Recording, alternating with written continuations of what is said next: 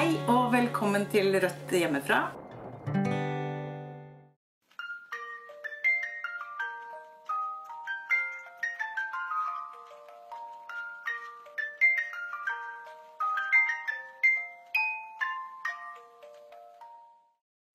Hei, velkommen til Rødt hjemmefra. Jeg heter eh, Silje Kjosbakken, og jeg er eh, programleder her i Rødt hjemmefra. Og eh, denne gang, eh, kvelden før dagen, så er det også hjemme fra stua her på Rånåsfoss, eh, som så mange ganger Rødt hjemmefra har vært gjennom det siste året. sist var vi også her. Som sist så må jeg advare om at det kan dukke opp noen katter i bakgrunnen. Og vi får bare kose oss med de om de dukker opp. Jeg kan også nevne nede i hjørnet her, så ser dere en, eh, en eh, bolle med potetgull. Det ble nevnt i kommentarfeltet forrige sending eh, at jeg hadde en stor bolle med potetgull. Den gangen, det var en torsdag, så hadde jeg fylt opp den bollen med pastaskruer for å late som jeg hadde potetgull. For noen i huset hadde spist opp potetgullet. Denne gangen er det ekte potetgull, så nå skal jeg kose meg i løpet av sendingen med den. I forkant av den sendingen her, så har vi sendt ut eh, eh SMS-er til de 200 siste innmeldte medlemmene i Rødt. Og det har vært kjempespennende, fordi jeg har fått veldig mange hyggelige SMS-er tilbake. Og til dere spesielt så ønsker jeg dere velkommen til Rødt. Og håper dere kan kose dere like mye som eh, vi her i Rødt eh, hjemmefra-redaksjonen, og alle andre som er eh, faste seere av Rødt hjemmefra, vil hygge dere med denne sendingen. Veldig koselig. Jeg har um, noen veldig spennende gjester på programmet i kveld. Um, som da er ja, oppladning til morgendagen, som er 1. mai. Eh, og vi er jo alle liksom vant, kanskje vant til å gå i 1. mai-tog, eh, finne våre paroler, eh, finne den fellesskapsfølelsen.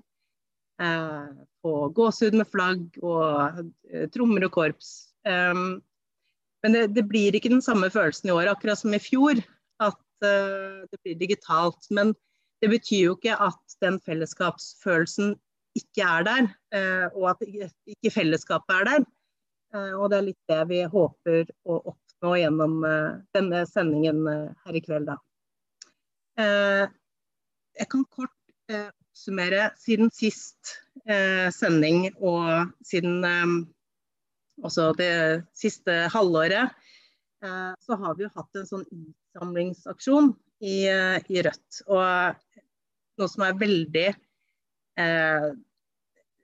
det, det, er ganske sterkt å føle på, er at vi har samla inn over to millioner kroner. Og du kan tenke deg f.eks. et parti som Venstre. De har til sammen fra to milliardærer fått den samme summen som over 6000 eh, givere i Rødt har gitt. Og det viser noe av den det fellesskapet, og hvor mange som har lyst til å være med på den kampen vi kjemper for å endre samfunnet og skape det vendepunktet vi, eh, vi ønsker for samfunnet. Så det er utrolig givende, utrolig morsomt. Eh, vi er utrolig, takknemlige for alle som har bidratt i både gitt økonomiske bidrag og også vært med på eh, f.eks. aksjonsdager, eh, som vi også kan nevne eh, siden sist vi hadde en aksjonsdag eh, nå i begynnelsen av april. Eh, hvor vi eh, veldig mange lag hang opp plakater, delte ut flyers i postkasser. Vi, har begynt ringekampanje, som vi skal inn på litt seinere i sendinga. og bare det å eh, vise at Rødt eksisterer. Altså, det er ikke alle steder man kan stå på stand, men man har kledd på statuer, T-skjorter, satt på spesielle munnbind med Rødt-logo.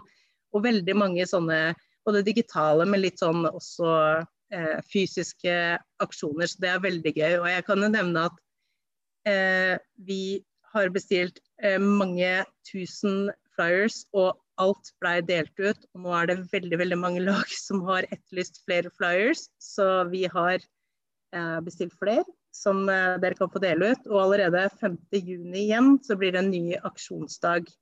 Eh, og til det også så kan jeg nevne f.eks. lokallag, da, Nes, de lagde egne plakater. For de hadde lyst til å starte aksjonsdagen en dag før aksjonsdagen faktisk var. Og de eh, skrev eh, tilpassa eh, plakater til steder de hang opp. F.eks. de skrev om vannkraft når de hang opp nede på Rånåsfoss eh, kraftverk. De skrev om samferdsel når de hang opp eh, plakater på togstasjonen. Og det er kjempegivende å se og veldig veldig morsomt. Og jeg tror det er en viktig motivasjon for eh, laget, eh, lokallag og organisasjonen for å komme i gang igjen. Nå har vi vært litt sånn litt mye digitalt. Eh, så det er veldig viktig å eh, ses og gjøre noe fysisk, selv om vi ikke kan eh, klemme og ta hverandre i hånda. Eh, vi kan også nevne litt om gjennomsnittet vårt. Eh, på målinger. Eh, det ser jo veldig bra ut. Og nå for april så ligger vi på 4,2. Eh, og det viser jo at vi er rett rundt sperregrensa. Og det er med så mange partier rundt sperregrensa, så er det også ekstremt viktig at vi får folk til å skjønne at hver stemme teller. Altså det, er ikke sånn som det, det var for fire år siden. Eh, men det kan gjøre en utrolig stor forskjell å bare få med enda flere. For det at kommer vi over sperregrensa, så får vi åtte-ni. Eh, kommer vi videre over, så kan vi også få en, enda flere direkte mandater fra ulike fylker og, eller stortingskretser. Så det blir eh, veldig, veldig spennende å se.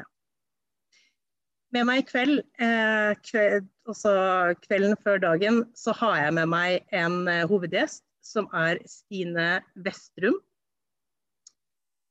Hun er eh, tredjekandidat for Rødt Oslo og tillitsvalgt i Fagforbundet. Så da ønsker jeg deg velkommen, Stine. Tusen hjertelig takk for det. Hei. hei, hei. Veldig hyggelig å se så eh, blidt ansikt i, eh, i eh, denne tiden, altså. Er du klar for morgendagen? Ja, altså det er jo Fader, altså. Skal vi sitte her på skjerm, da? For andre gang. Andre året på rad. Når det er liksom årets viktigste fest- og kampdag for fagbevegelsen og arbeiderbevegelsen. Eh, og veldig mange andre folkelige bevegelser. Det er ganske kjedelig, syns jeg. Altså. Men jeg, jeg stakk av hjemmefra, da, rett og slett for å fære på fagforeningskontoret. så har jeg liksom sittet og hørt på LO i Oslo sin uh, allsang for å få litt stemning. Uh, og så har jeg liksom fana og flagg og sånn litt sånn bak ryggen her. Sånn at uh, jo da, jeg blir klar. Veldig bra. Men før vi går videre til å snakke litt om 1. mai og ditt forhold til det. Stine, hvem er du? Ja, hvem er jeg, det er jo et veldig lite spørsmål, takk for det. Det er sånn at jeg er en trønder fra Stjørdal som flytta til Oslo i forrige århundre. Eh, det kan man jo si når man, når man er eh, bikka 40. Jeg er 43 år, fagforeningsleder i Fagforbundet og sosialarbeider. Jeg studerte, flytta til Oslo eh, i 1997 for å studere på Universitetet i Oslo. Og siden så har jeg blitt her, da. Og så er jeg siden 2000 og ja, si det, sju, så har jeg liksom drevet med fagforeningsarbeid. Ikke fulltid hele tida. Jeg har stått litt sånn i spagaten mellom jobb. Jeg er veldig glad i jobben min. Jeg jobber på en sånn kommunal ruspoliklinikk i Oslo. Og så eh, har jeg vært fulltids tillitsvalgt da, i de siste årene. Mm. Det er ikke noe tvil om at du har uh, engasjementet der for fagbevegelsen og, og, samfunnet rundt deg generelt. Men hva er ditt forhold til 1. mai? Har du alltid har du vokst opp med, med å markere 1. mai? Nei, jeg har egentlig ikke det. Eller, altså, jeg kommer fra en sånn eh, familie som en veldig sånn Arbeiderparti-bastion. Sånn var det jo veldig mange plasser i Trøndelag. De er stort sett lærere og håndverkere hele gjengen. Så stemte de på uh, Arbeiderpartiet, og 1. mai var en fin og viktig dag. Men, uh, men uh, når du kommer fra en liten plass, er det også litt sånn at du skal helst ikke Det er mye folksnakk, ja. Du skal helst ikke være så veldig spesiell. Sånn at det var, det var, veldig sånn eh, De raka ikke hagen, for å si det sånn. Men vi var heller ikke noe voldsom feiring. Jeg har ikke feira 1. mai egentlig eh, noe særlig før jeg var sånn 14-15 år. Eh, men da var jeg og venninnene mine med i Natur og Ungdom, og det var sånn det starta da. Eh, og da begynte vi å gå på 1. mai-frokost. Ja, og det har jeg vært på sida da. Sånn at det, det, kjenner jeg jo at det er liksom det triste med å ikke feire på annen måte enn på skjerm, da, er jo uh, frokosten stå opp samtidig som vaktmesteren i borettslaget. Når han heiser flagget, så får jeg på foreningskontoret. Men nå så gjør ikke jeg det, da. I morgen gjør ikke jeg det. Da skal jeg hjem. Ja. For jeg heller har ikke feira altså Jeg har ikke noe tradisjon for å liksom feire eller markere 1. mai, og i hvert fall ikke den frokosten. Men etter jeg ble aktiv i uh, Bryggesjauernes uh, kamp, så ble man jo automatisk uh, med på den, den 1. mai-frokosten. Og det, det blei liksom en viktig markering og en viktig sånn oppgiring til dagen. Og samtaler om hva, hva liksom Ja, hva, hva, hva, skal vi liksom markere i dag? Hva skal vi rope for i dag?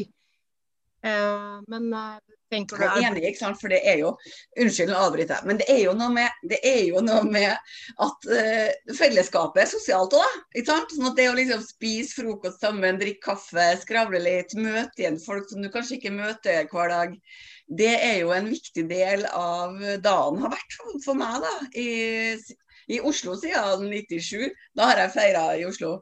Men, men, det å liksom starte dagen med litt sånn god frokost og kaffe og skravlings eh, For jeg tror jo at mye av liksom, krafta i folkelige bevegelser er at man trives sammen med de folkene man eh, henger sammen med òg. Ikke, ikke, bare det faglige, selvfølgelig, eh, men òg mer det sosiale fellesskapet som, som, styrkes ved at man møtes, faktisk. da. Mm. Mm. Dette med tog, noen, er det noen faste paroler du har pleid å gå bak? Er det noen, liksom, noen kamper du, du, kjenner at du har tatt gjennom flere år? Ja, altså um, i, de, i, veldig mange år nå så har jeg gått to runder i første mai-toget. fordi, fordi, heldigvis så går det liksom den faglige eh, delen ganske tidlig i toget. Sånn at uh, når jeg har båret uh, fane, eller gått sammen med fagforeningskamerater i Fagforbundet, og liksom i den LO-delen, uh, så har det jo vært mange egentlig paroler under det. Altså Sekstimersdag har vært viktig for meg, og er viktig for meg. der har jeg ofte gått. Jeg har òg båret noen av de parolene i mange år. Det at vi må dele på arbeidet og, og gjøre noe mer enn å være i lønnet arbeid, det er veldig, veldig, veldig viktig. Eh, sånn at trøkket, tenker jeg nå, da, for 60-årsdag, det er ganske sånn Det brer om seg. Og det er, veldig, det er, veldig, herlig å være med på. Og så har jeg også gått um, sånn bakover i toget. sånn når jeg er ferdig med første runde, for å bli med i Palestina-avdelinga. Fordi Palestina-solidaritet er også veldig viktig for meg. Eh, ja. Og har vært det i mange år. Vi har som fagforening hatt et eget prosjekt eh, med et sånn kvinnekooperativ i Rantis i Palestina. Sånn at det å konkret kunne jobbe med ting eh, i det som synes som en sånn helt Nesten litt sånn avmaktsfølelse, sant? for at det er så langvarig eh, okkupasjon. Um, men, men, det å ha vært en sånn fast tradisjon Og så liksom endte opp helt bakerst da, i den Blitz-avdelinga og bråka litt. ja. Mm. Jo, men det er veldig viktig. Og det er jo noe med det her eh, altså, Det er jo ikke bare en dag eh, vi, vi, i Norge markerer. Og det er jo noe med den internasjonale solidariteten, i tillegg til at det er en, en dag eh, man markerer internasjonalt. Så har du lyst til å fortelle litt mer om uh, det her uh, Eh, prosjektet og det internasjonale solidaritet uh, generelt? Ja, og det er jo, det er jo liksom det fine eh, også nå, da, når det er nedstenging og, og, digitale markeringer, er jo at det faktisk er mulig å ta del i en del ting utenfor landet vårt og utenfor byen vår. Og det gjør det liksom enklere å, å, å markere også sammen med kamerater utenfor Norges grenser. Og det tror jeg Det kjenner jeg jo er liksom gledelig når ting er nedstengt. Men altså, Palestina er jo Altså Det fremstilles jo som en sånn konflikt mellom likeverdige parter. ikke sant? Um, og, og, det å, og, det er ikke det. Det er liksom ett folk som blir okkupert, og så er det ett folk som okkuperer. Eh, og vi som fagforening har jo, altså Fagforbundet nasjonalt har jo i veldig mange år uh, sammen med resten av fagbevegelsen hatt Palestina-solidaritet høyt på agendaen. Eh, og har hatt det som sitt sånn solidaritetsområde internasjonalt så har vi som fagforening gjort det enda mer konkret for oss. da. Sånn at vi har i mange år Det ble avslutta i fjor. Det var ikke fordi at det var mislykka, men fordi at det var fullført. Eh, så har vi samarbeida med et sånn kvinnekooperativ i en bitte liten landsby som er nærmest sånn omringa av eh, det som omtales som sikkerhetsmur. Som, eh, som er den tolv meter høye muren sant? som ingen kommer forbi sånn at en veldig sånn isolert plass. Man ser nesten Tel Aviv. Det er nære, det er små avstander, men eh, likevel fullstendig umulig å komme seg noen plass. Og der uh, var det en fantastisk dame som eh, var drivkraften bak hele det um, arbeidsplassene som ble etablert. Da, som, som et sånn um, bakeri, tradisjonell håndverk uh, osv. Eh, og som òg tok imot turister. Så det har utvikla seg til å liksom starte ut med noen arbeidsplasser i et bygg, rett og slett, som er rehabilitert. Med penger fra oss. Og så har vi også da hatt mulighet til å reise ikke sant? Og, og besøke dem, og de har vært her. Sånn at det går begge veier. Det, det, det er en utveksling av erfaringer, da. Mm. Um, så det, det, det, kjenner jeg jo at det å liksom kunne være med på å skape arbeidsplasser, er jo um, noe veldig tilfredsstillende i en ganske sånn uh, håpløs uh, situasjon som veldig mange palestinere er i da. Mm. Jeg kjenner jeg blir, jeg blir litt sånn eh, smitta og motivert av eh, engasjementet ditt. Og jeg tror det er veldig, veldig viktig bare den eh, eh, at, at, man får kunnskap om det. At man liksom får så, Man har jo hørt om situasjoner rundt omkring i verden og hvordan man kan eh, bidra og sånne ting. Men, men det, er så, det, er så, lite som skal til før man får mer konkret kunnskap om, eh, mm. Eh, om hvordan man også kan bidra og, og hjelpe. Mm. Eh, så jeg setter veldig stor pris på at du eh, kunne bidra litt der nå. Og om du også i kommentarfeltet under sendinga her mm. kan legge inn om det er noen linker eller mer ting som folk kan oppsøke. hvis det er, Og også andre som, som ser på sendinga, selvfølgelig. Mm. For jeg tror det er veldig viktig den, både bevisstgjøringa og, og, det jeg håper å si det lille av, av kunnskap som skal til for å liksom, gjøre folk vite, vite hvor, hvordan man kan bidra. Ja. Mm. Og så tenker jeg jo bare for å avslutte akkurat det, da. Det er jo det er jo veldig mye man kan gjøre herfra, heldigvis. Man må, ikke, man, må jo ikke, etablere et samarbeid som, som er med folk i Palestina. Det, det, er jo veldig mye og bra solidaritetsarbeid som gjøres via Palestinakomiteen og andre palestinaaktivister i Norge. Ikke sant? Ja. ja. Nei, veldig viktig. Veldig bra. Um, så da regner jeg med at det er noen som huker tak i deg i kommentarfeltet under deg, Stine. Um, men uh, vi skal straks over til uh, et innslag uh, her som partileder Bjørnar Moxnes har spilt inn sammen med Elin Skrede, som er rådgiver i, for velferdsstaten. Og de har snakka litt om profittfri velferd. Og det er også en viktig sak for Fagforbundet. Um. Ja. Absolutt. Altfor mange tjenester privatiseres. Eh, Altfor mye av det som er det offentliges ansvar, er satt ut på anbud. Um, og så er det det offentlige som betaler for det òg. Sånn at jeg gleder meg til å se, se den samtalen. For, for, velferdsstaten er jo fantastiske aktører i kunnskapsformidling. Ja, det blir bra. Ja, jeg har jo fått uh, smugekikka på, uh, på, denne, på dette innslaget, så dette er verdt å få med seg. Følg med på dette. Hei sann, eh, det er Bjørnar her. Eh, vi skal nå ha et innslag eh, hvor jeg skal snakke med, med Elin Skrede om, om, en av Rødts hovedsaker i valgkampen. Det har også vært en hovedsak i mange år, nemlig kampen for profittfri velferd. Og så tenker jeg at du kanskje kunne eh, sagt noe om, eh, om eh, det notatet som, eh, som dere har lagd. Mm. Som handler om, om, PBL, altså Private barnehagers landsforbund. Hva er, liksom de, hva er de to-tre viktigste tingene dere har, har funnet når det gjelder PBL? Ja, um, jeg kan jo først, først si um, litt om bakgrunnen for notatet. Altså, vi har jo sett en voldsom kommersialisering um, av barnehagesektoren de siste årene, som dere i Rødt er veldig klar over. Og PBL er, har vært en viktig premissleverandør for den utviklingen.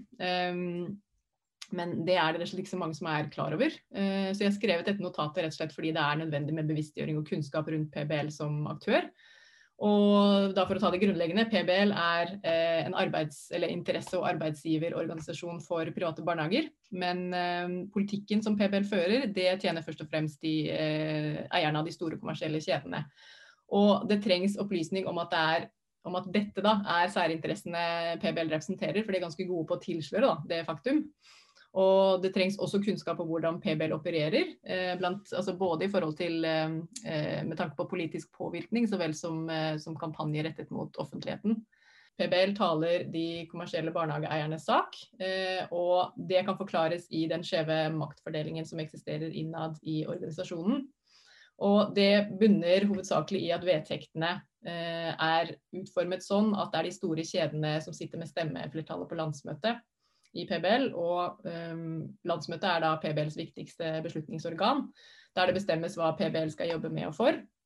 Men um, det er i hvert fall sånn de kommersielle hovedsakelig sitter med makten i PBL. Da. Um, og for å gå videre til uh, konklusjon nummer to, så handler den om at PBL bedriver en dobbeltkommunikasjon og altså nærmest en konstant tåkelegging av debatten, vil jeg si. Um, og et eksempel der er at de, til, de underspiller da, forskjellene som eksisterer på private barnehager. De bruker helst paraplybetegnelsen private barnehager når de uttaler seg. Uh, og det kommer ikke fram at det er store forskjeller på ideelle og kommersielle barnehager f.eks. Uh, og heller ikke at uh, private barnehager skiller seg mye fra hverandre på også andre måter. PBL liker også f.eks. å snakke masse om den dårlige økonomien som, som eksisterer i private barnehager. Men de unnlater å si at det er faktisk veldig store forskjeller innad i sektoren. Og at eh, egentlig så går skillet mellom de store kommersielle kjedene på, på, den ene siden, som har faktisk høy fortjeneste, altså senest dokumentert i velferdstjenesteutvalget, og de små og ideelle barnehagene på den andre siden, der mange sliter med å få endene til å møtes, rett og slett, eller få driften til å gå rundt. Um, og PBL vil heller ikke snakke så mye om um, altså hvorfor private barnehager går i minus rettere sagt hvordan de ulike private barnehagene bruker midlene og tilskuddene de får. Da. Eh, og Det er f.eks. dokumentert at de store eh, kommersielle kjedene har eh, dårligst bemanning i sektoren. De har hatt det lenge, og de har det selv etter at bemanningsnormen ble innført i 2018. Um, ehm, og at de enkeltstående og ideelle barnehagene bruker mer av midlene sine på uh, bemanning. Og Grunnen til at jeg nevner bemanning, er jo fordi at det er kjempeviktig for barna. Uh, det er viktig for kvaliteten på tilbudet, rett og slett. Og i, forbindelse med det så kan jeg jo gi nok et eksempel på hvordan PBL tåkelegger debatten. For de liker å si da, at bemanning ikke er det eneste som er viktig for kvaliteten eh, i barnehagen. Eh, hvilket de har helt rett i, men de unnlater å si at eh, god bemanning er selve forutsetningen for kvalitet i barnehagen. Da. Det er grunnsteinen, ikke sant? det avgjørende for at de ansatte faktisk skal ha mulighet til å gi et godt og forsvarlig pedagogisk tilbud til barna. Um, og avslutningsvis til dette punktet så kan jeg jo si at det at PBL er en interesse- og arbeidsgiverorganisasjon, er ikke eh, problematisk i seg selv eller uvanlig. ikke sant? Men det som er uredelig, det er at PBL tilslører hvilke særinteresser de representerer og jobber for. Og, jobber for. Um, og også at de påstår at de jobber for eiernes interesser og barnas og ansattes og samfunnets interesser samtidig. Eh, det er jo rett og slett ikke tilfellet. Det er jo ikke forenlig heller. Jeg så senest i dag at Anne Lindboe var ute i Klassekampen eh, og påsto at det viktigste faktisk for PBL er barna. Så det var overskriften, tror jeg. Um, og i det minste da, så er det langt mellom liv og lære eh, i eh, PBL. Og det er der eiernes interesser står mot barnas interesser, som det f.eks. gjør i spørsmålet om fortjeneste så støtter eh, PBL-eierne. Og det har vi etter hvert ganske mange eksempler som viser da, at det stemmer. Det er jo Det er også, interessant, jeg tenker Lindboe er jo Det er et interessant hva som sier, fall. Altså hun var jo hun var jo barneombud, liksom. Og Mm. satte jo, da satte hun jo faktisk barnas interesser først. Mm. Så har hun da gått fra det, og det er jo lov å bytte jobb, liksom. Det er helt greit, det, til å bli direktøren i, i PBL. Mm. Men da jobber jo aktivt dag ut, dag inn for å forsvare de kommersielle kjedenes eh, makt og mulighet til å altså, robbe barnehagene for mest mulig penger. Eh, og hun er vel også etter hvert blitt den største liksom, notoriske løgnhalsen i norsk offentlighet. Iallfall min, min vurdering Ja. når det gjelder denne saken her. Du trenger ikke å si noe om det, altså, men det er iallfall min objektive uh, syn på saken. Hun presterer å påstå, har jeg sett i avisen, at uh, det ikke har vært noen nedgang i antall ideelle barnehager, eller andel. Mm. Det er, det er ingen fare for de ideelle barnehagene, og ikke, ingen vekst i de kommersielle. Mens etter hva jeg husker, så viser jo tallene at, eh, at siden 2005 da, har det blitt lagt ned, eh, lagt ned 19 000 ideelle barnehageplasser. Mm. Det har vært en nedgang på 19 000, og så har det vært en vekst på 58 000 kommersielle barnehageplasser. Å få det til å bli ingen endring, det er et, eh, en spennende retorisk øvelse hvor du må slå krumspring på fakta for å få det til å gå opp, for å si det sånn. Mm. Så, så Lindboe må man ikke la seg lure av. Eh, hun eh, bruker jo sin eh, sikkert standing og, og velfortjente kred som barneombud, men nå i en helt annen rolle. Hvor det hun driver med, egentlig er en kynisk politikk på, som går utover barn i barnehagene. Hvor de altså vil sikre profittuttaket til evig tid, for min oppfatning av hennes rolle Mm. i PBL. Da. Ja, jeg er jo um, Jeg må jo si jeg er skuffet. Um, om enn kanskje ikke overrasket. Vi skjønte vel kanskje hvor det bar da hun fikk den direktørjobben. Men um, jeg er veldig kritisk til hvordan uh, Anne Lindboe og PBL egentlig skyver barna foran seg. Det gjør de jo ganske aktivt i debatten. Da senest da eksemplifisert i dette innlegget i Klassekampen. Um. Det føles ikke opp av handling, i hvert fall. Nei, men vi kan si den dagen, den dagen Anne Lindboe eh, for det første eh, innrømmer at det finnes noe som heter kommersielle barnehager og Mm. ideelle barnehager, da er det Mm. krøss i taket. Mm. Eh, forklart Strategien deres er, er naturligvis å snakke om private, eh, og på den måten skyver de foran seg den kreden som de ideelle ikke sant, non-profit-barnehagene tross alt har. da. De Mm. har en høy standing, mange er fornøyd med dem. De tar jo ikke noe penger ut av barnehagene. Mm. Bruker den standingen de har for å på en måte få si, smugla inn også eh, Forsvaret for de kommersielle i samme slengen. Men i det øyeblikket eh, de velger da, å innrømme at det fins to forskjellige kategorier her, Mm. noen tar penger ut eh, Mm. til berikelse, andre gjør det ikke. Eh, da vil de jo være mye mer ærlige, men da vil også eh, fighten deres for det kommersielle stå mye svakere. Da vil jo Mm. folk også se at eh, her, er det, her er det to forskjellige kategorier, og ikke minst at kommersialiseringa jo, som vi ser av tallene, eh, truer mangfoldet. Mm. Altså De ideelle ildsjelene er de som blir pressa ut når de kommersielle dundrer fram på feltet. Mm. Ja. Med PBLs varmeste velsignelse. Jeg har aldri mm. hørt Lindboe en eneste gang komme med ett tiltak eller ett forslag som kan styrke de ideelles stilling og styrke mangfoldet mangfold i barnehagesektoren. Mm. Eh, som da nødvendigvis også vil bety en innskrenkning av de kommersielle kjedenes makt. Mm. Den dagen det skjer, er det også krøss i taket, tenker jeg. Da skal jeg, da skal Jeg er revurdere min karakteristikk. Men, men det kan jeg, da kan jeg egentlig nevne det, den eh, tredje hovedkonklusjonen i, eh, i notatet. For det handler om denne eh, likebehandlingspolitikken, eller likebehandlingsprinsippet, da, eh, som PBL for det første kjempet lenge for å få, få igjennom når de inngikk denne barnehageavtalen i, på begynnelsen av 2000-tallet. Um, og fremdeles fremmer aktivt, også så vidt jeg vet, inn i dette, eh, finansierings, altså dette utvalget som ser på finansieringen av de private barnehagene. Og det, eh, den politikken da dreier seg kort fortalt om at alle private barnehager ikke sant, mottar tilskudd etter samme prinsipp, altså det, denne stykkprisfinansieringen. Um, og i utgangspunktet så høres jo likebehandling eh, positivt ut. Men problemet er jo da at eh, private barnehager er veldig ulike. Eh, F.eks. kommersielle og ideelle. ikke sant? Og de skiller seg fra hverandre på mange ulike måter. De har mange ulike forutsetninger og mål for driften sin, og de har mange ulike utfordringer. Eh, og når man vet det, så sier det seg selv at likebehandling av så ulike aktører, det alltid vil favorisere noen framfor andre. da. Og sånn som vi ser det, så har denne, eh, I dette tilfellet så fører det til overfinansiering av de kommersielle kjedene. Og det fører til økonomiske problemer for små og ideelle barnehager.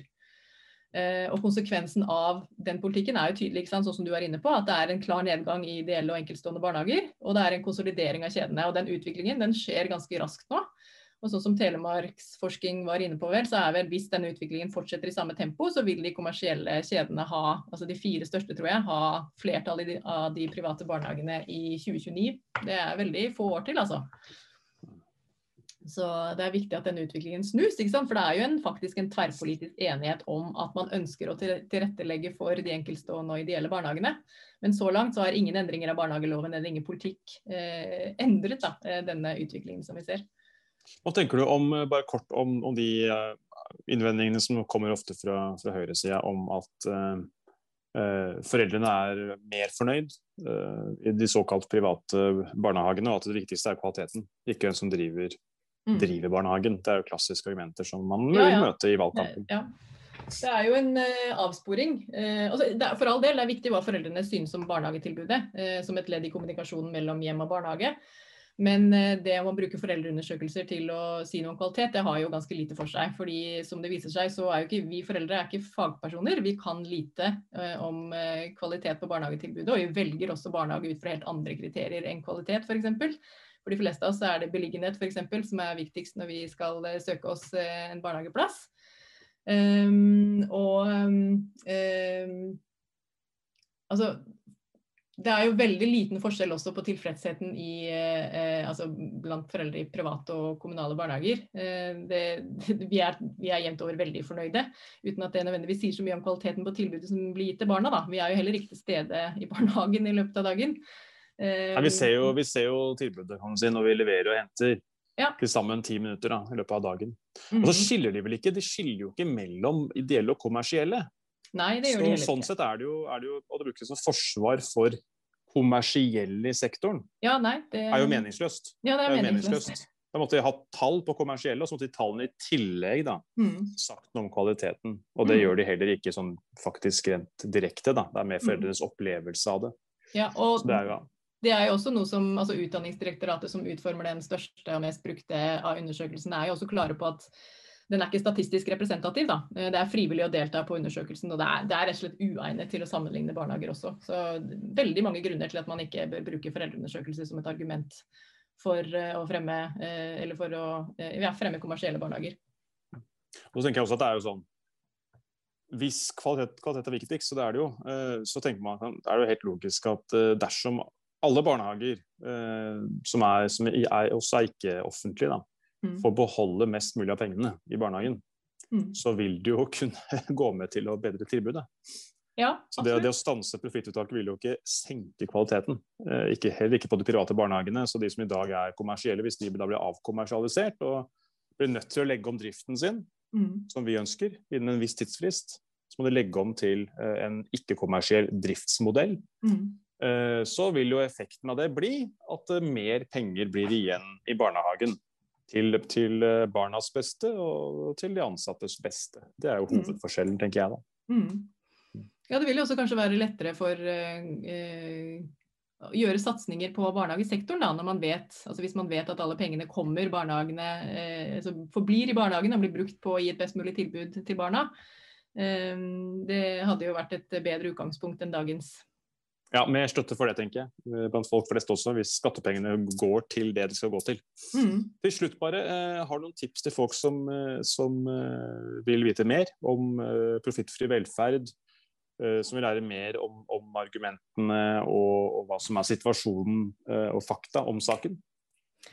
Ja, altså jeg kan jo faktisk gi i forhold til det notatet, for jeg tenkte å nevne også at eh, i slutten av Det er jo relatert til barnehagedebatten, da, men eh, det finnes en oppsummering der eh, av de fem vanligste påstandene som PBL eh, bruker da, for å fremme private eller kommersielle barnehager. Og hvorfor de har lite for seg. Så de, eh, den delen spesielt da, tenker jeg kan være interessant for, eh, for de flinke og engasjerte folka i Rødt. Som de kan gå inn og lese og benytte seg av i den kommende valgkampen. Velferdsstaten.no, der ligger notatet. Ja. Last ned, helt gratis. Les. Bruk og gå Absolutt. inn i kampen for profittfri velferd mm. uh, med liv og lyst. Det er en viktig sak, og ikke minst, vi kan få gjort noe med det.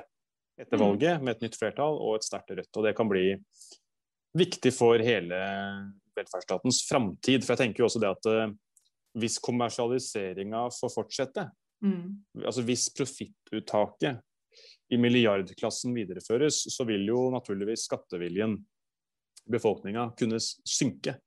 Hvis folk opplever at uh, ok, greit, du betaler skatt, og det er greit hvis det går til velferd, men når store summer av mine skattepenger tas rett ut til noen barnehagebaroner eller noen, eh, noen barnevernsprofitører eller de som driver eldreomsorg, liksom, eh, og mm. skaper milliardformuer, så er det jo fare for at det uh, vil undergrave skatteviljen, og dermed på lengre sikt også undergrave fundamentet for velferdsstaten. Mm. Så Det er jo de perspektivene som uh, jeg mener er, ligger til grunn for debatten, og som mm. også tar med alvor inn i saken. At det handler jo ikke liksom bare om at noen penger tas ut. Det er mm. ille nok, det. Men også mm. det handler om velferdsstatens framtid. Om vi skal løse velferdsoppgavene i fellesskap, sånn som vi har gjort i mange mange tiår, kanskje 100 år, ikke kommersielt. Eller få en amerikanisert velferdsmodell mm. eh, hvor veldig mye av velferden drives av kommersielle, og hvor store summer forsvinner ut også. Det vil på sikt være, etter mitt syn, i hvert fall døden for en universell velferdsstat eh, med stor skattevilje og, og, ikke minst stor tillit til befolkninga. Mm. Ja, jeg tror neppe at USA det er jo ikke dit vi Det er ikke den veien vi vil. Det er jo, vil jeg tro er rimelig klart for alle. Um, og det er jo også uh, Å bruke kommersielle velferden er jo heller ikke en veldig effektiv bruk eh, av våre felles midler. Det er, eh, det er, lite som tyder på at de gir bedre tjenester, eh, og det er mye som tyder på at det eh, ikke sparer noe penger på det, og at det heller tvert imot kan være dyrere hvis man skal begynne å se på styringskostnader og den type ting i hvert fall. Nyttig. Mm. Men bra, takk for praten, og lykke til videre med arbeidet for velferdsstaten. Tusen takk. Ha det godt. Jo, takk for det.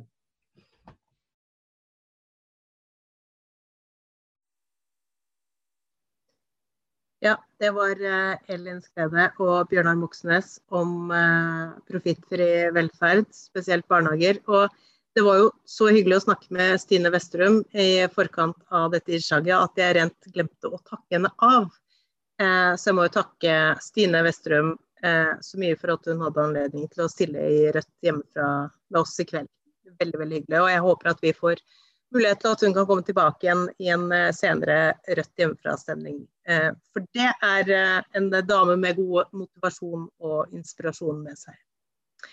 Dette med profittfri velferd har jo vært en veldig viktig sak for oss i mange år. Og vi ser jo at flere partier stadig hopper på dette. Og det gjelder jo ikke bare barnehager, som det spesielt snakket om nå, og spesielt har blitt snakket om de senere årene, men det gjelder også barnevern og eldreomsorg og andre velferdstjenester som vi betaler skatt for å få igjen for eh, når vi har behov for det.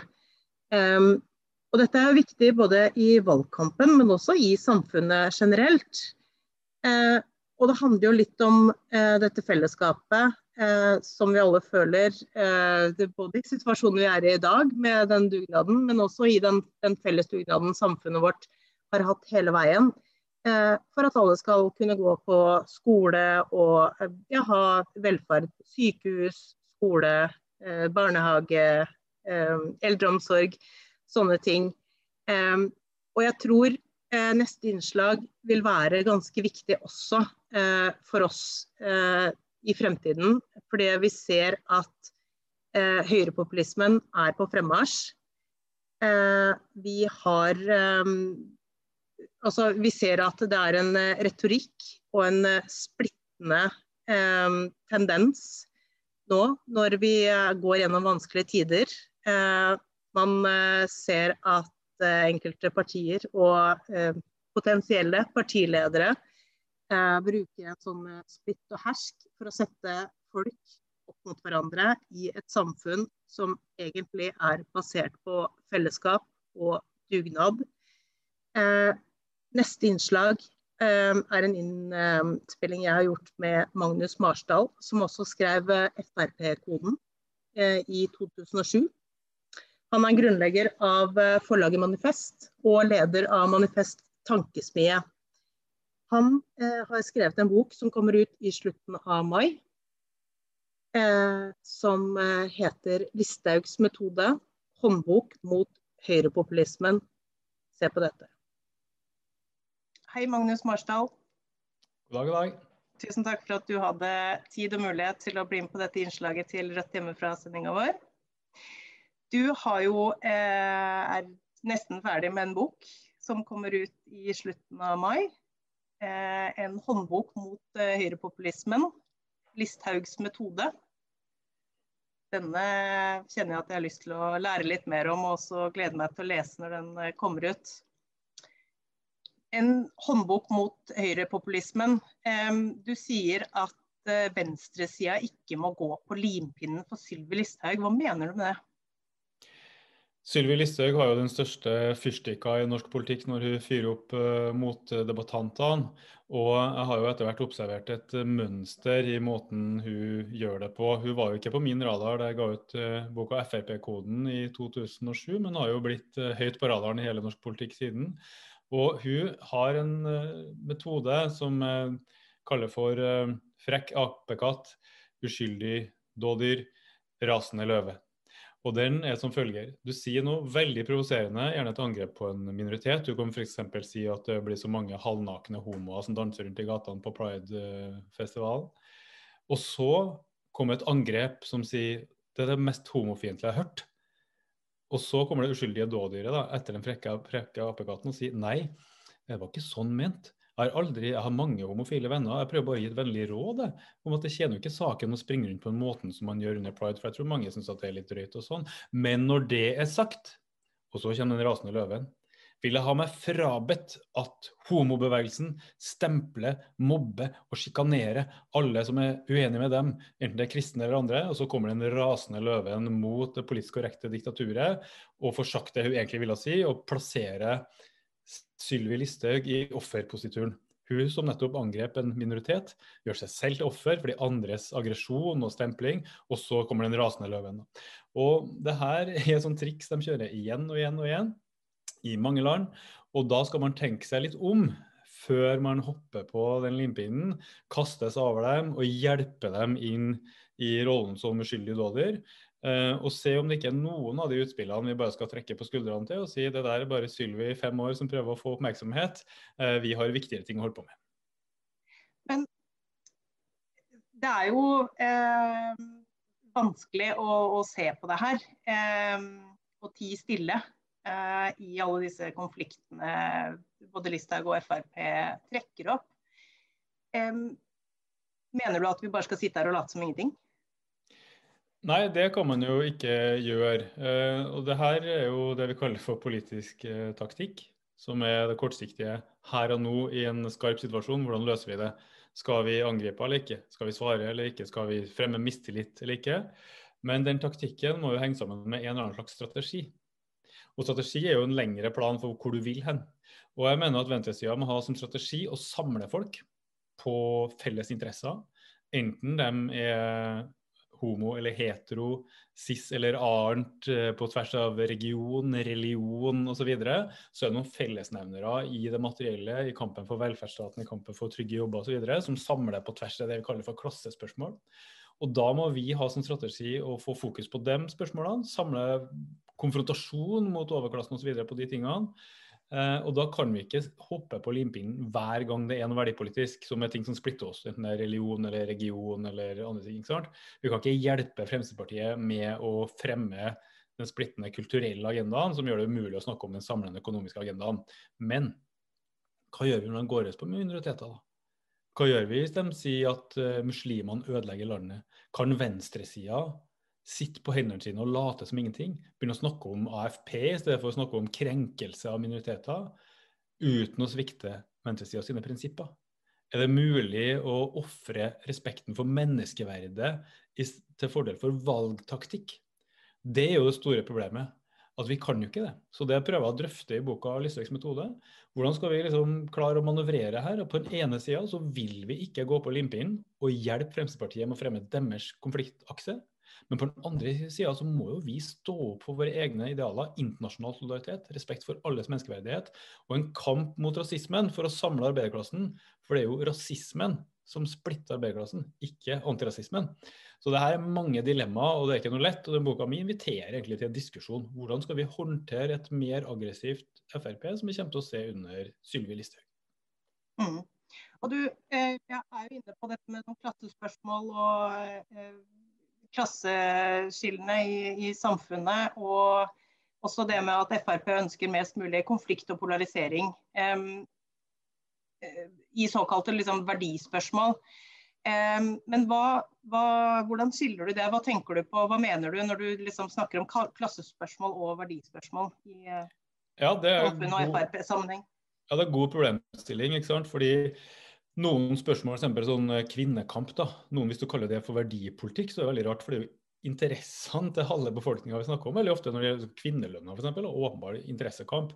Eh, så du kan egentlig ikke skille så skarpt. Men det jeg snakker om, det er på den ene sida samlende klassespørsmål som samler på tvers av region, religion osv. Og, så og på den andre sida splittende spørsmål som deler vår velgerkoalisjon. da, Som kan være synet på strengere straffer for voldtekt eller eh, altså mange andre ting. ikke sant? Og Det er ikke sånn at det ene spørsmålet er noe viktigere enn det andre. Ta f.eks. et verdispørsmål som retten til å leve i tråd med sin egen legning. da. Det handler jo nærmest om liv og død og selve eksistensen din, så det er åpenbart et veldig viktig spørsmål. Og der må jo vi ha våre prinsipper krystallklare. Men det er forskjell på spørsmålene i hvordan de virker i befolkninga. Noen samler arbeiderklassen og mobiliserer vår koalisjon langs interesse-klasselinja. Andre splitter arbeiderklassen og, og, og, gir Frp innmarsj. Da. Det her må vi forholde oss uh, til. Men det betyr jo ikke at vi skal f.eks. Eh, springe etter Frp i innvandringspolitikken. For da blir jo vi høyrepopulister sjøl. Og det skjer jo i Danmark nå. Der sitter Venstre-regjering, såkalt, sosialdemokratisk regjering, som er i høyrepopulistisk regjering som sier at uh, ikke-vestlige innvandrere, minoritet på 8 er det største problemet i Danmark. Som har begynt å kaste ut syrere tilbake til krigen.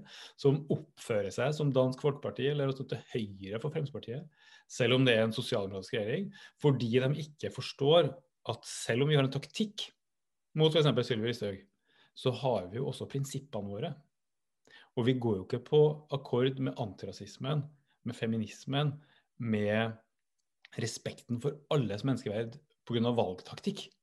Så det her må man skille. ikke sant? Eh, det å ikke gå på limpinnen til Sylvi Listhaug betyr jo ikke at du skal springe rundt og, og, fremme hennes politikk. Nei, ikke sant.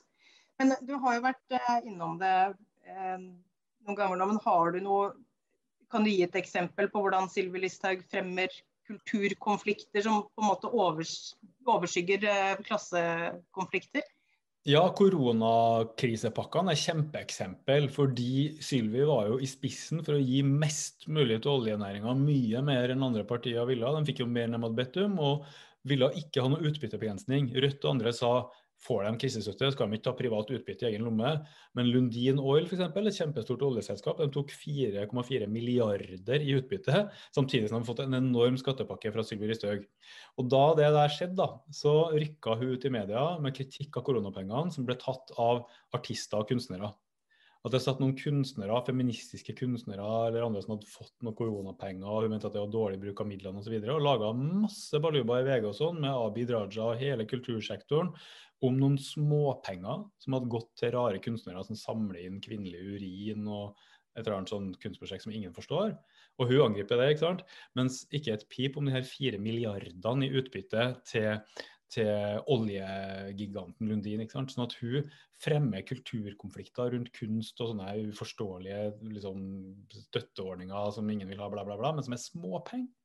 Og så ingen som snakker om de store pengene og den klassekonflikten rundt koronamidlene som Fremskrittspartiet har stått i spissen for på overklassen sin side. Ingen utbyttebegrensning, mest mulig penger opp i lomma på eierne. Mens VG da handler om en eller annen kvinnelig kunstner som har fått 700 000 kroner for å gjøre noe uforståelig kunstprosjekt. Mm. Jeg kjenner jeg blir på eh, veldig eh, Jeg gleder meg til å lese boka. Jeg tror det er noen eh, eh, Ja, man, man, kjenner jo til de strukturelle problemene og, og sånn, men du, du, klarer å forklare det med, med ganske enkle ord og eksempler, så det tror jeg blir veldig eh, interessant. Um, men eh, jeg kan jo ikke avslutte den samtalen her uten å spørre om eh, eller nevne mistillitsforslaget Rødt hadde mot eh, Sylvi Listhaug da hun var minister. Eh, og det resulterte jo at hun uh, gikk av. hva tenker du, var det riktig gjort, eller bidro det til å gi henne økt oppmerksomhet og sympati blant sine følgere? Da Bjørnar Moxnes fremma mistillitsforslaget mot Listhaug som justisminister etter at hun hadde anklaga flertallet på Stortinget på, for å sette terroristenes rettigheter over det norske folks sikkerhet, og det kom også fra regjeringa, så fikk en kritikk fra enkelte også på venstresida for å bare søke oppmerksomhet, for kanskje å eh, gå på limpinn til Sylvi Listhaug. Etter mitt syn så var det noe av det viktigste og riktigste Rødt har gjort i inneværende periode. Vi i Manifest Tankesmia, der jeg jobbet til daglig, var jo pådrivere.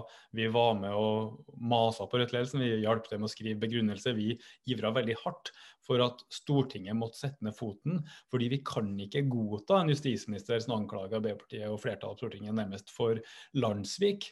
Og det Rødt gjorde her, var at de tok seg hensyn til folkemeninga. Det var et sydende engasjement ut i det norske folk. Det ble samla inn 17 millioner kroner til Leger uten grenser. 80 000 folk ga penger i Bjørnar Moxnes sitt navn for å vise sin støtte til han, men også først og fremst kanskje mot Sylvi Listhaug. Så folk flest var mot Frp, og fordi Rødt var på Stortinget, så var det en mulighet til å få fram det engasjementet. og kjerringa måtte gå, som var en stor seier både for sentrum og venstresida.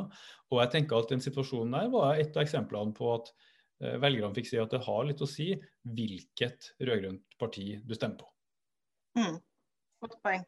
Eh, og ja, som nevnt, jeg gleder meg til å lese boka. Jeg håper at det kan bidra til litt mer sånn bevisstgjøring. Eh, både i retorikken og måten vi tenker på. og når vi nå går inn i en valgkamp som sikkert blir eh, ganske hard når det gjelder ordskiftet. Men eh, da er tiden vår ute, Magnus. jeg takker for at du tok deg tid til å stille opp her. Og så ja, er vi veldig spent på boka. Og ha en god 1. mai. Takk, det samme.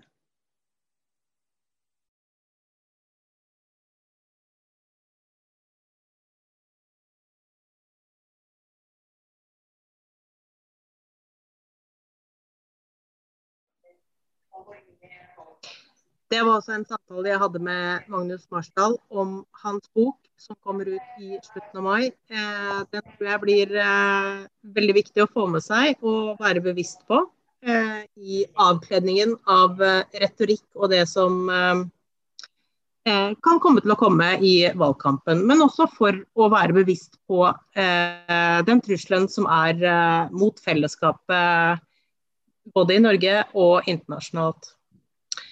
Nå skal vi eh, rett over på eh, litt om det å markere morgendagen.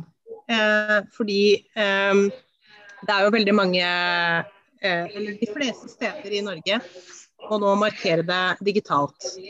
Og selv har jeg vært eh, på Eidsvoll for å spille inn min appell for Eidsvoll Øvre Romerike. Og jeg vet at det er veldig mange representanter fra Rødt eh, rundt omkring som har vært og spilt inn, eller forhåndsinnspilt sine eh, 1. mai-appeller. Men så er det jo også noen livesendinger. Så jeg anbefaler alle å gå inn på deres eh, lokale eh, Rødt-lag eller eh, LO-forening for å se eh, 1. Eh, mai-appeller der i morgen. Eh, ellers så har vi også eh, rødt.no skråstrek 1. mai, som eh, viser en oversikt over hva som skjer på internett. For de som eh, eh med, eller ønsker å følge med på det.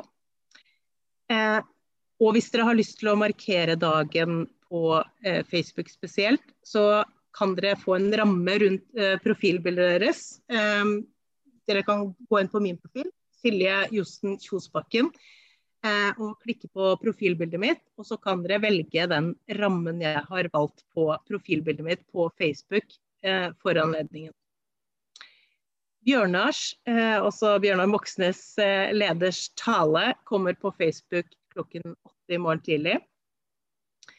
Ellers så er det å følge med på lokale LO-sider som jeg har valgt, eller nevnt eh, tidligere.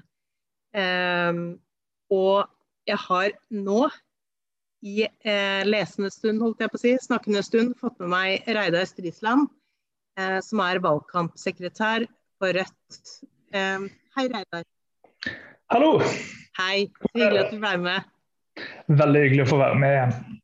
Du har jo hørt at jeg har snakket litt om hva man skal gjøre, eller hva man kan gjøre på 1. mai når det nå er digitalt og ikke fysisk og vanlige tog. Eh, hva er det du kommer til å gjøre for å markere 1. mai i morgen? Det blir jo en annerledes 1. mai for meg også, som for de aller fleste. Men jeg skal henge opp flagg. Eh, og med et lite spedbarn så skal jeg trille et lite tog sjøl med barnevogna. Veldig, veldig koselig. Det er jo veldig mange som er eh, oppvokst med det å Eller også De har begynt sin 1. mai-kampkarriere i, i vogn, så det er veldig gøy å, å høre at du skal lage ditt eget tog.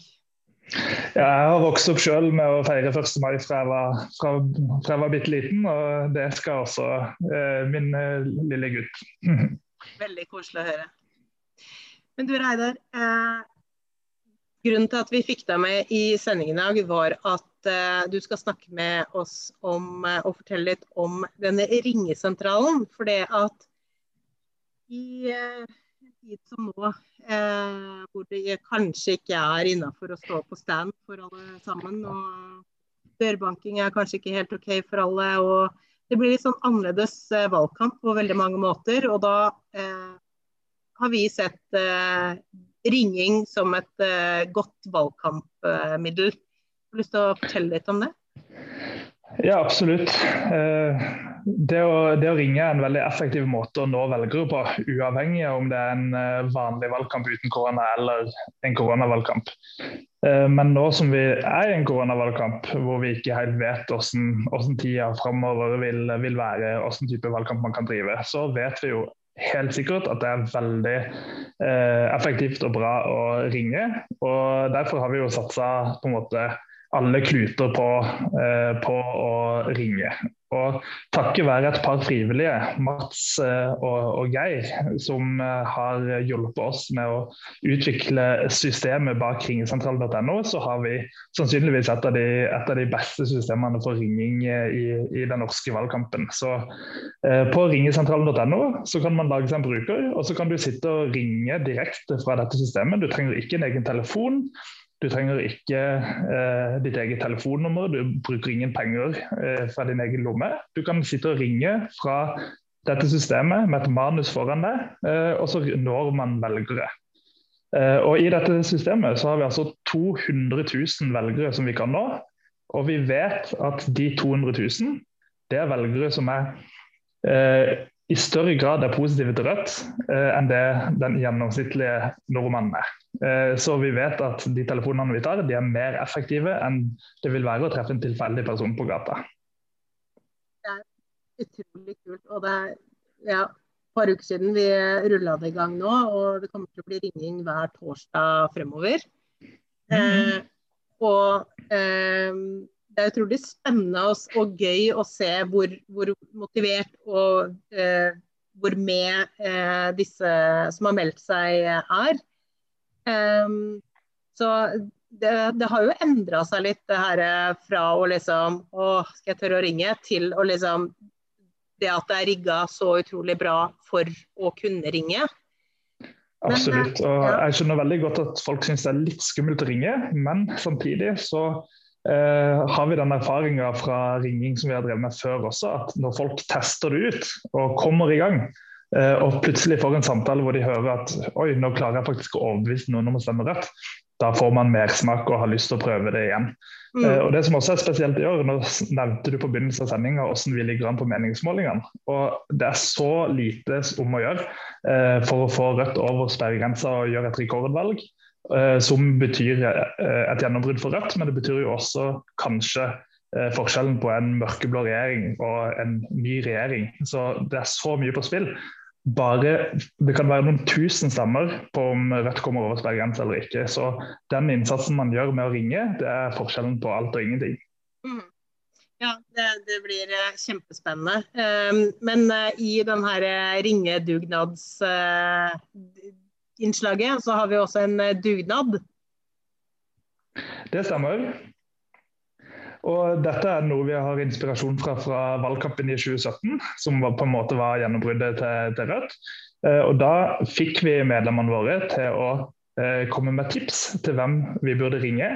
Venner og bekjente som kanskje er litt positive til Rødt, som, som virkelig trenger en ekstra telefon for å bli overbevist om å, om å stemme på oss. Og Dette tenkte vi å gjøre igjen. Eh, så på ringesentralen.no verv så kan eh, du legge inn tips til hvem det er vi burde ringe. Da håper jeg at mange har skrevet inn eh, navn på folk de kjenner.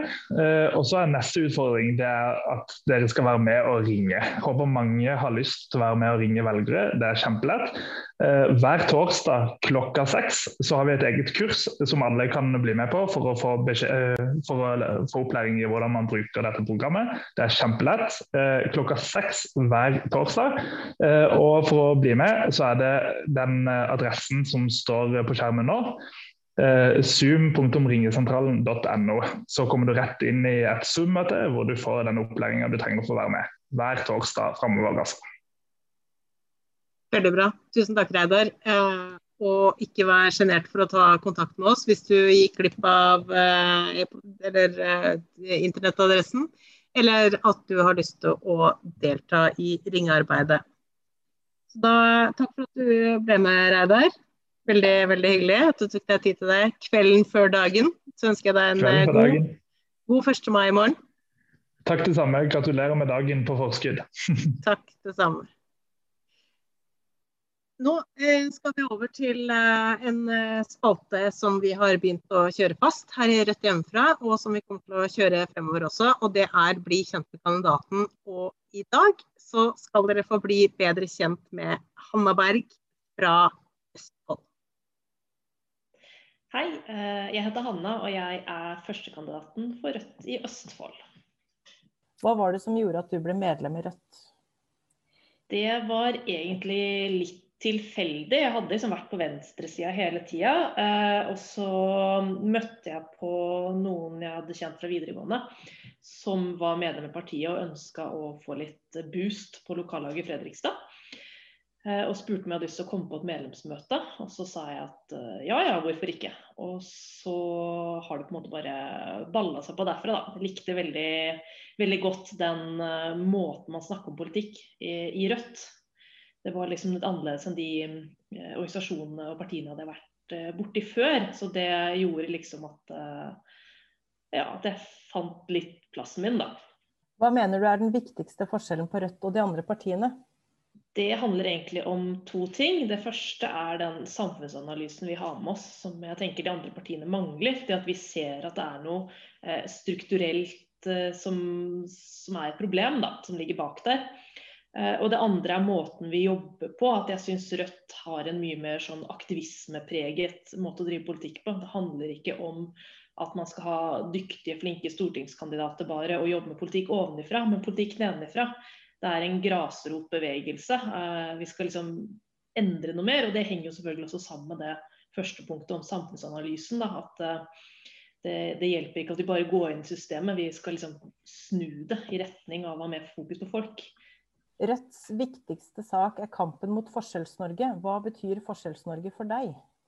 Jeg tenker jo først og fremst at, eh, at jeg syns det er utrolig merkelig at vi egentlig finner oss i det. At det er så store forskjeller at man har et samfunn hvor friheten til noen få skal gå på bekostningen til egentlig alle oss andre. For det er jo det de gjør, at med en gang noen skal få lov til å tjene så mye penger eh, som de har lyst til, så går det utover noen andre et annet sted. Altså Det vil være noen som havner på utsida av fellesskapet. Det vil være noen som, som ikke tjener nok til livets opphold. Du vil på en måte du ofrer de mange da, for de få, og det syns jeg er eh, egentlig ganske ille. Og det blir bare verre og verre. Eh, og utover det så tenker jeg også sånn Jeg ser det også mye i min hverdag som, som helsepolitiker og som helsearbeider. At den forskjellen på hvordan man blir møtt i, i samfunnet, da, altså sånn der, Jeg har prøvd å utfordre lokalpolitikere en, gang, en del ganger på dette her med hvorfor er de eh, samfunnskritiske yrkene våre så dårlig lønna. Hvorfor er de dårlig lønna, mens politikere tjener så godt? Eh, og så får man alltid svar at det er så vanskelig å være politiker, det er et stort ansvar, man jobber mye ugunstig arbeidstid. Og så sier jeg sånn, men sånn er det jo for alle som jobber i, i samfunnskritiske yrker også. De også har lange arbeidsdager, veldig mye ansvar, eh, men får ikke noe igjen for det. Hvorfor er det forskjell på folk der? Um, og det syns jeg er så ja, egentlig litt forundra over det. Og så syns jeg det er merkelig at man finner seg i det. Og nå håper jeg på en måte at, at folk har nådd det metningspunktet så vi får gjort noe med det, for det trengs. Hva må vi gjøre for å få ned forskjellene? Først og fremst så tenker jeg at vi må få gjort noe med skattepolitikken. Altså Vi må få en eh, bedre omfordeling av godene. De som tjener mest, må bidra mer. Eh, sånn at alle sammen får, får nytt godt av det. Da. Og Det vil jo også på en måte komme de, de rikeste til gode, tenker jeg på sikt. da, Ved at man får tryggere samfunn, alle får bedre utdannelse. Man får liksom muligheten til å satse på folk som ellers ikke ville blitt satsa på. Eh, så vi er alle egentlig tjent med det. Og så tror jeg at det er helt sånne konkrete politiske grep man kan gjøre, sånn som man kan ta ut barnetrygden av eh, sosialstønadsberegningene. Og man kan gjøre SFO gratis, man kan satse på Eh, skole og offentlig sektor i større grad, som, som kommer alle til gode. Da. Og da vil du på en måte få ned forskjellene. Hvem er ditt største politiske forbilde? Ja, nå skal jeg være litt sånn sleip, for at, uh, jeg er ikke så veldig opptatt av politiske forbilder. sånn sett, Men jeg har litt lyst til å slå et slag for, uh, for det som jeg kaller for hverdagshelten. Da. Alle de som står i bakgrunnen, som ikke er de som skinner. for sånn Eh, for at jeg eller andre skal få lov til å drive politikk på den måten vi gjør det, så, krever det jo et, et, kjempestort arbeid fra noen i bakgrunnen. Eh, disse som stiller opp og, og, lager eh, delevideoer sammen med deg, de som hjelper deg å skrive appeller, de som hjelper til å dele ut løpesedler i, eh, i postkasser, og alle disse her aktivistene rundt omkring. Det er liksom de som gjør at, at vi som syns mer, får muligheten til å. Da. Vi hadde jo ikke klart det uten de, så jeg har liksom litt lyst til å slå et slag for de. da. Eh, det er på en måte mine politiske forbilder, og da er det vanskelig å trekke fram én, for det er så mange av de. Men, eh, men vi hadde liksom ikke klart oss uten de, da. Så det slår et slag for hverdagshelten, hverdagsaktivisten. Hvilken nålevende person ville du helst stått fast i en heis med?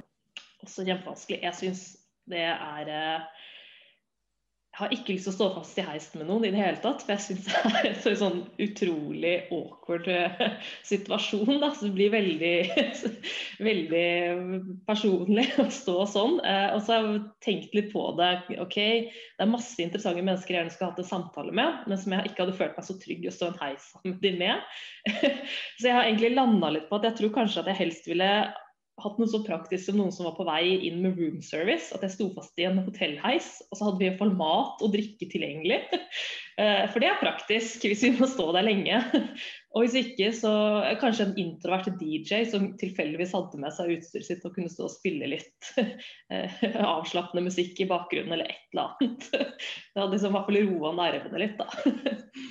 Hvis Rødt gjør et rekordvalg, hvordan vil det forandre norsk politikk? Jeg tror at Eh, vanlige folk stort sett vil kjenne at de får eh, bedre råd, at de får eh, bedre tid og bedre, bedre liv. Og så håper jeg at et sterkt Rødt gjør at man får en, en holdningsendring overfor de som i dag står utenfor arbeidslivet, bl.a. At man får en annen måte å snakke om de på. Og så tror jeg at generelt, eller jeg håper at man vil oppleve at politikken kommer nærmere folk. At man får får mer kontakt med de som styrer landet. At det er lettere å snakke med dem, at det er lettere å forholde seg til dem og kanskje kjenne seg igjen i dem, for at det kommer flere vanlige folk inn på Stortinget. Um, så en, At man får en større nærhet til politikken, egentlig, håper jeg jo da at det skal på en måte gjøre. I tillegg til all den gode politikken vi selvfølgelig skal gjennomføre. Men jeg tror det er viktig å få gjort noe med det, eh, den barrieren da, som er mellom politikk og alt det andre i dag. Og der er liksom vi. Hvordan holder du motivasjonen oppe på lange valgkampdager? Akkurat i år så er det litt vanskelig, for stort sett så har min motivasjon vært det å kunne møte andre som engasjerer seg. og liksom, Det gjør ikke noe at man har lange kvelder hvis man er flere som sitter sammen og jobber. Eh, mens nå under koronaen så har man jo ikke det i like stor grad, så det er jo litt, eh, litt vanskelig. Eh, men da blir det det å kunne ja, jeg vet ikke, prøve å se fram imot det som ligger der fremme. da å få til noe, noe bra. Og så tror jeg det er så viktig at man en gang iblant tar seg tid til å ha det litt gøy. Da. At man Eh, ikke bare planlegger seriøse leserinnlegg og vanskelige debatter man skal i, og sånt, men at man også tar seg tid til de, de hyggelige arrangementene. Da, sånn at man får til eh, piknik i parken for partikollegaer, at man får til å gå en tur i skogen med med gode venner, slike ting. Eh, kanskje man organiserer en konsert, eller sånn som Rødt har gjort, av Pop-Venstre, som var et kjempestort savn. Eh, de tingene er så viktige da, for å holde motivasjonen oppe i alt de andre som kanskje oppleves som litt treigere eller vanskeligere. Da. Så det, de gode, morsomme, ikke direkte politiske aktivitetene, men som fortsatt er en del av den politikkutforminga og utviklinga og det bygde fellesskapet, da. Kan du nevne én ting folk aldri ville trodd om deg? Jeg tror kanskje at jeg fremstår som at jeg er, eh, eller har litt kontroll på det jeg holder på med. Og sikkert er en organisert person i hverdagen, men jeg er forferdelig surrete og virrer rundt og vet egentlig ikke helt hva det er jeg holder på med alltid. Eller jeg vet ikke helt hva, hva på en måte fremtiden venter. Når folk spør ja, hva har du lyst til å drive på med, så er jeg veldig sånn nei, akkurat nå driver jeg med, politikk, og det er fint. Eh, men hva jeg skal videre, og hva som på en måte livet bringer, det er jeg veldig, veldig åpen for. Eh, jeg tenker at, eh, at det kanskje er en en ting ikke folk helt forventer. Da. De tror her er det noen som har, eh, har uh, korta lagt. jeg vet ikke. Det er vanskelig også å tenke hva, hva er det folk ikke vet. Det, ja. har du en hjertesak du særlig vil arbeide med på Stortinget? Ja, jeg har, eh, jeg har lyst til å ta med det engasjementet for boligpolitikken som jeg drevet mye med lokalt. Jeg har lyst til å ta med inn og jobbe videre med på Stortinget. For det er så grunnleggende del av, eh, av, sosialpolitikken vår, egentlig, og som har falt helt ut. Det har liksom blitt fullstendig satt til side. Men det å bo det er en menneskerett, og det å bo godt er også noe vi trenger. Eh, så hvorfor det ikke regnes som sosialpolitikk i dag, det er helt uforståelig. Så det å ta tilbake det og gjøre det til et mer eh, offentlig anliggende igjen, at ikke man bare ja, legger alt på markedet det tror jeg er så viktig. Og det tror jeg også vil være med å bidra til at man får ned forskjellene på en del andre punkter òg. Eh, så det med bordpolitikk tror jeg Og så er det også når jeg står oppi selv da, som ung og liksom førstegangsetablerende og sånt, at dette her eh, kjennes veldig på kroppen eh, for meg og min generasjon. Så det må da noen ta litt tak i.